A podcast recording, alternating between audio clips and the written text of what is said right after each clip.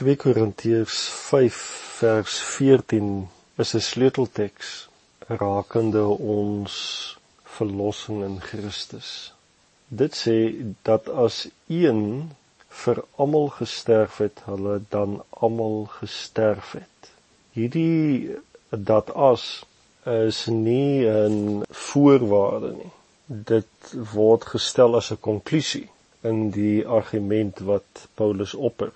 Hierdie vers is een van die mees basiese aspekte in die woord. Nie een van ons twyfel dat Christus gesterf het nie. En daarom behoort die vers eintlik vertaal te word met omdat een gesterf het, het almal gesterf. Die wêreld het wettelik geregtelik gesterf in Christus eens en vir altyd. Die woord sê ook nie dat ons meer dood kan word as wat ons alreeds in Christus is nie. Die woord noem net die feit dat ons ons self as dood moet ag vir sonde, vir diself, vir die wêreld en vir die Satan.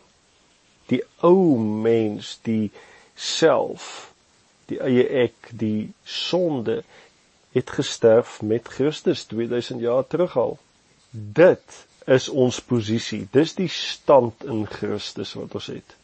En nou roep die woord dan vir ons op in 'n wandel om te sterf na die manifestasies van die ou mens. Ons lees in Kolossense 3 vers 3 en 9 die volgende: Want julle het gesterwe en julle lewe is saam met Christus verborge in God. Die 9de vers lieg nie vir mekaar nie omdat julle die ou mens met sy werke afgelê het. Die gemeente in Kolosse word opgeroep om die ou mens af te lê omdat die ou mens alreeds in Christus dood is. Die vlees is gekruisig in Christus, maar die werke van die vlees wat nog na vore kom in die Christelike lewe moet steeds afgelê word, uitgetrek word soos ou klere. In 1 Korintiërs 15 vers 45 lees ons dat Christus Jesus die laaste Adam was. En daarom is daar nie nou verder enige Adam of ou mens meer nie.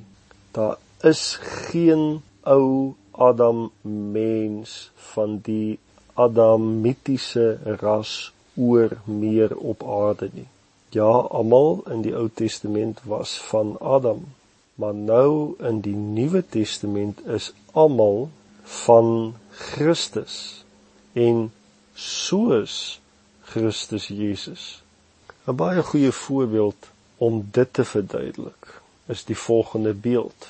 My vriend Arno Klaasen het op 'n stadium my vertel dat daar by 'n plek waar hy gebly het, hierdie groot boom was en hierdie ivy plant het in hierdie boom ingegroei soos wat jy dit ken, dit maar baie keer gebeur. 'n Ivy plant is eintlik 'n tipe parasietplant. Dit het sy eie wortelstelsel, maar dit groei op mure en bome in en neem net totaal al, al alles oor.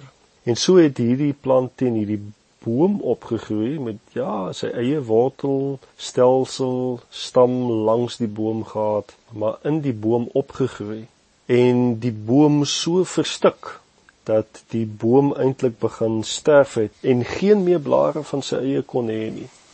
Hierdie ivy plant se blare en takkies was intensief verweef en het heeltemal oorgeneem al die takke van die boom en het letterlik die boom versmoor. My vriend het geweet hy sal iets aan hierdie taak moet doen, maar om hierdie ivy plant te verwyder en in die boom in te klim sou lank vat en intensiewe arbeid kos om dit stukkie vir stukkie uit die boom uit te ruk. En miskien weet jy maar hierdie plant kan klou.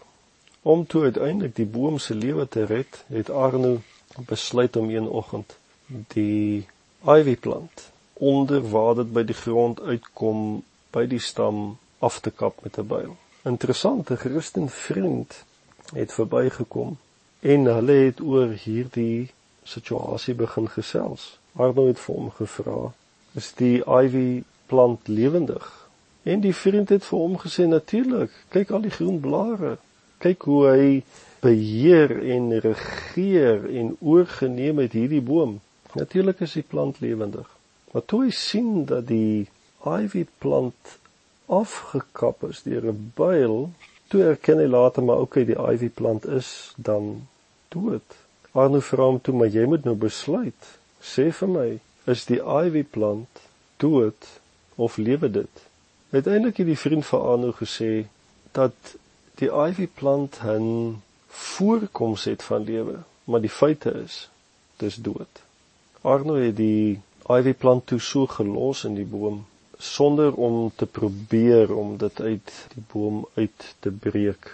En na 3 maande was dit baie duidelik gesien dat die ivy plant dood was en die boom het weer groen blare begin kry en weer sterk begin leef. Daar was 'n duidelike bewys gewees dat die ivy plant heeltemal dood was van die dag af dat hy afgekap was by sy stam. Jesus se dood aan die kruis het die wortel van die ou mens afgekap vir eens en vir altyd.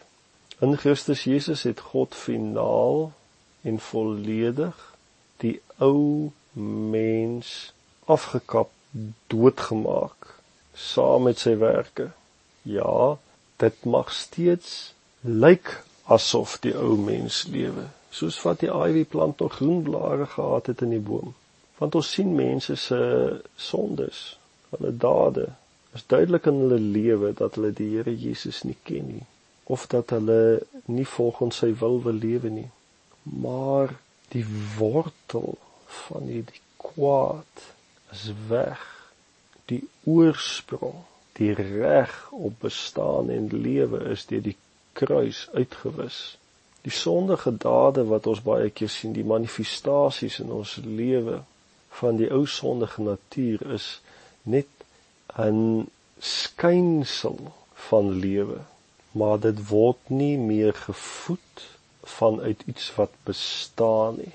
Jy sien as ons die reg van sonde se bestaan in ons lewe erken en dit probeer baklei om dit te oorwin, dan voed jy dit eintlik weer en raak jy verstrengel in sondes.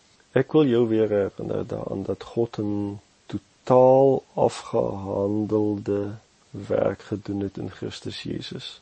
Die Here Jesus het nie net gekom om net blare uit die boom uit te ruk terwyl die wortels en die stam nog die voedingsbron is nie. Nee, hy het die wortel van die probleem afgesny, vasgespijker. Ook het die Here nie net gekom om sonde weg te neem nie, maar ook die begeerte vir sonde. Hy het nie net die begeerte weggeneem vir die negatiewe nie, maar ook vir ons 'n begeerte gegee vir hom as die oorsprong van alles. Hy het die ou natuur weggeneem en het ons 'n nuwe natuur gegee.